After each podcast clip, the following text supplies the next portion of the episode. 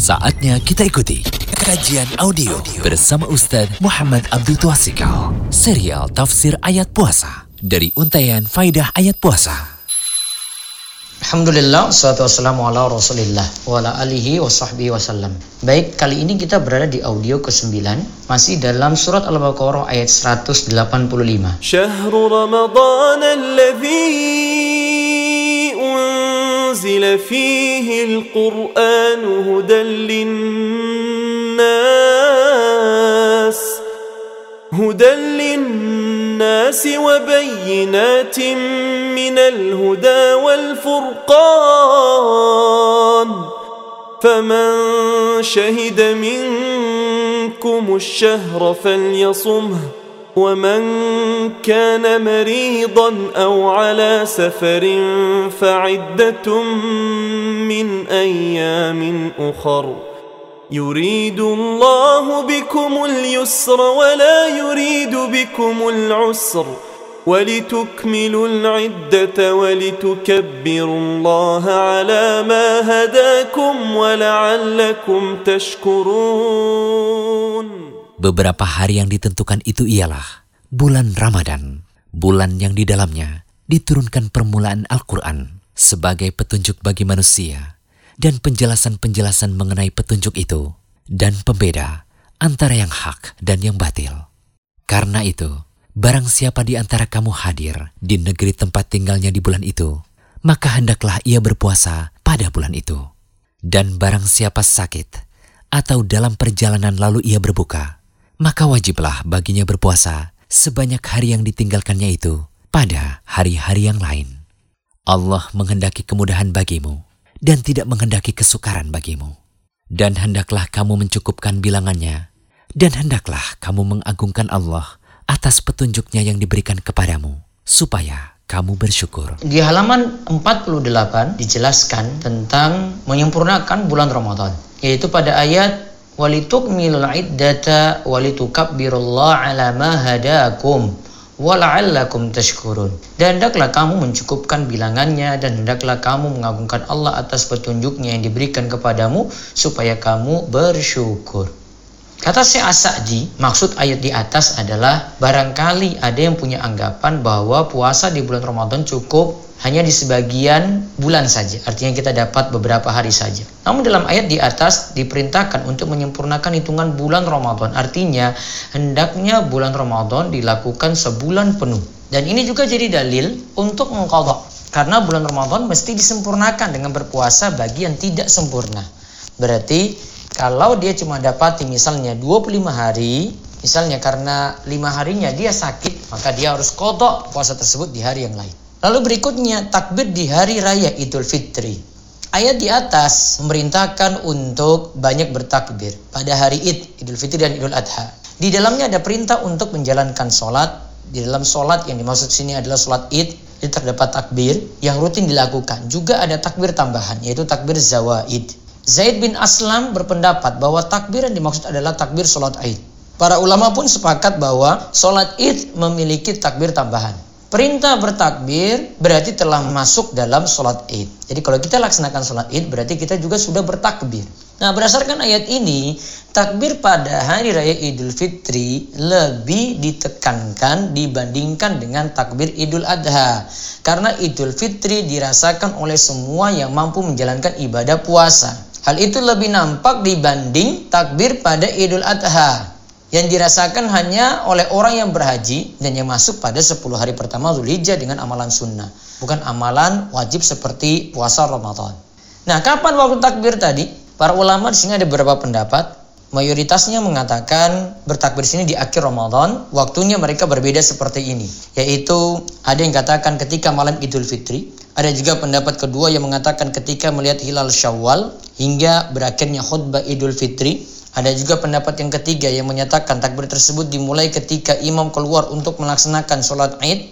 Ada pendapat keempat yang mengatakan takbir pada hari Idul Fitri. Yang kelima mengatakan takbir ketika keluar dari rumah menuju tanah lapang hingga imam keluar untuk sholat id. Dan ini jadi pendapat Imam Malik dan Imam Syafi'i. Ada juga pendapat keenam yang mengatakan ke eh, yang dimaksud di sini adalah takbir Idul Adha dan ketika Idul Fitri tidak perlu bertakbir. Namun pendapat keenam ini pendapat yang lemah. Yang jelas kita bertakbir sejak malam Idul Fitri. Lebih-lebih lagi ketika mau berangkat ke lapangan, menuju lapangan kita bertakbir lagi. Sampai khotib pun naik mimbar, dia itu banyak bertakbir juga. Begitu juga imam ketika laksanakan sholat id, ada situ takbir zawaid. Nah takbir yang diucapkan itu bagaimana? Nah dijelaskan sini ada beberapa riwayat. Ada yang menyebutkan Allahu Akbar, Allahu Akbar, La ilaha illallah, Allahu Akbar, Allahu Akbar, walillahil hamd. Sini ucapan takbirnya dua kali. Ada lafaz dari Ibnu Abi Syaibah yang menyatakan tiga kali takbir. Ada juga ucapan takbirnya seperti di sini diriwayatkan dari Ibnu Abbas, dikeluarkan oleh Ibnu Abi Syaibah dan Al Baihaqi, Allahu akbar kabira, Allahu akbar kabira, Allahu akbar walillahil hamd wa ajallullahu akbar ala ma hadana. Nah kata Ibnu Taimiyah bahwa lafaz takbir seperti yang dicontohkan oleh Ibnu Mas'ud tadi yang pertama yang kita sebut ya itulah yang dipraktekkan oleh banyak sahabat. Jadi mereka ucapkan tadi Allahu Akbar, Allahu Akbar, la ilaha illallah, Allahu Akbar, Allahu Akbar, walillahil hamd. Ingat ya, ini yang paling diucapkan oleh banyak sahabat. Namun Ibnu Taimiyah katakan berikut ini. Kalau seseorang bertakbir Allahu Akbar sebanyak tiga kali saja dia ulang ya Allahu Akbar Lalu kedua, Allahu Akbar. Lalu ketiga, Allahu Akbar. Itu pun dibolehkan. Lalu ada lagi perkataan dari Imam Syafi'i, seandainya imam itu bertakbir setelah sholat maghrib, sholat isya, sholat subuh. Ya maghrib malam idul fitri, isya malam idul fitri berarti. Dan subuh pagi idul fitri.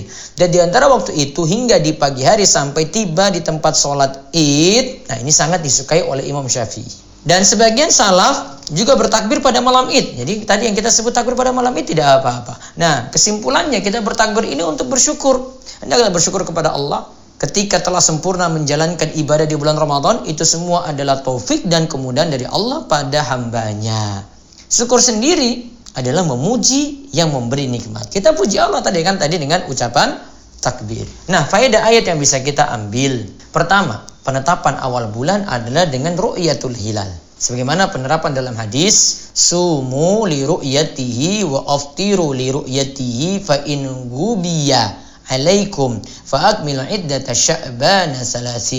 Berpuasalah karena melihat hilal, itu ruqyatul hilal berhari rayalah karena melihatnya pula jika tidak nampak bagi kalian maka genapkanlah bulan Sya'ban menjadi 30 hari. Maka masuknya bulan Ramadan itu bisa dengan ru'yatul hilal secara langsung dengan melihat oleh orang yang sikah. Jadi yang melihat adalah orang yang sikah, terpercaya atau bisa pula dari mendengar dari orang yang terpercaya tadi. Dan di negeri kita ada kemenak yang sudah melakukan sidang isbat dan kita tinggal menunggu keputusannya saja. Faedah yang lainnya lagi yang kedua, menentukan keistimewaan pada hari tertentu hanya ditetapkan oleh Allah Rabbul Alamin. Tidak boleh ada manusia menetapkan keistimewaan hari tertentu tanpa adanya dalil. Ya, maka kita tetapkan hari Id itu harus dengan dalil. Sehingga perayaan-perayaan yang lainnya selain Idul Fitri, Idul Adha, nah syariat tidak tetapkan itu. Apalagi kalau perayaannya itu dari non-muslim, Valentine Days, dan semacam itu. Karena menentukan keistimewaan hari tertentu itu harus dengan dalil. Kemudian yang ketiga, ada kaitan penting antara puasa dan Al-Quran. Oleh karena itu, bulan Ramadan harusnya semakin motivasi umat Islam untuk memperhatikan Al-Quran. Dia bisa baca, bisa hatamkan, mentadaburi, bisa belajar. Bahkan dia juga bisa belajar ilmu alat untuk memahami Al-Quran, yaitu bahasa Arab. Terus yang keempat dianjurkan untuk bertakbir pada akhir ibadah di mana ada dalil yang menunjukkan bertakbir setelahnya seperti bertakbir setelah sholat lima waktu atau bertakbir setelah sempurna bulan Ramadan. Nah kalau ini kan kita pelajari puasa ya kita bertakbir setelah sempurna bulan Ramadan. Yang kelima Jumur ulama mengajukan bertakbir pada malam Idul Fitri berdasarkan ayat ini. Yang keenam, hidayah itu mencakup hidayah ilmu dan amal. Allah memberikan kita hidayah dengan memberikan kita ilmu dan memberikan kita hidayah bagaimana cara beramal. Karena di alamah hadakum dalam ayat disebutkan alamah hadakum atas petunjuk yang diberikan kepada kalian. Yang ketujuh, kenapa kita dianjurkan untuk bertakbir setelah ibadah itu selesai? Seperti bertakbir setelah selesai puasa Ramadan. Para ulama katakan anjuran ini mengajarkan kita agar tidak ujub. Karena takbir ini berisi kandungan kita mengagungkan Allah. Allah itu yang diagungkan. Bukan karena kita, kita beribadah. Bukan. Allah yang maha besar. Terus kedelapan, dilarang berpuasa pada hari yang meragukan. Yaitu hari tersebut tidak diketahui apakah 30 Sya'ban ataukah sudah masuk satu Ramadan. Sebagaimana dalam hadis, dari Ammar bin Yasir, ia berkata, siapa yang berpuasa pada hari yang meragukan, maka ia telah durhaka pada Abul Qasim, yaitu Rasulullah Sallallahu Alaihi Wasallam. Terus yang kesembilan kita juga ambil faedah, syariat kita itu dibangun di atas kemudahan. Terus yang kesepuluh, kita juga ambil faedah, Allah tidaklah menyariatkan sesuatu kecuali ada hikmah di dalamnya. Yang ke-11, hendaklah setiap muslim perhatian dalam mengkodok puasa Ramadan dan berniat untuk segera menaikkan kodok tadi. Baiknya tidak ditunda ke Ramadan berikutnya. Dalam ayat Allah memerintahkan untuk segera menyempurnakan iddah. Berarti segera sempurnakan tadi masih punya utang, segera ini lunasi. Lalu ke-12, kemampuan untuk dapat menyempurnakan ibadah adalah suatu nikmat yang patut disyukuri. Lalu yang terakhir, ke-13 mulai takbir adalah pada Idul Fitri, dimulai dengan berakhirnya bulan Ramadan dengan ditandai tenggelamnya matahari pada malam Idul Fitri dan mulainya malam Id.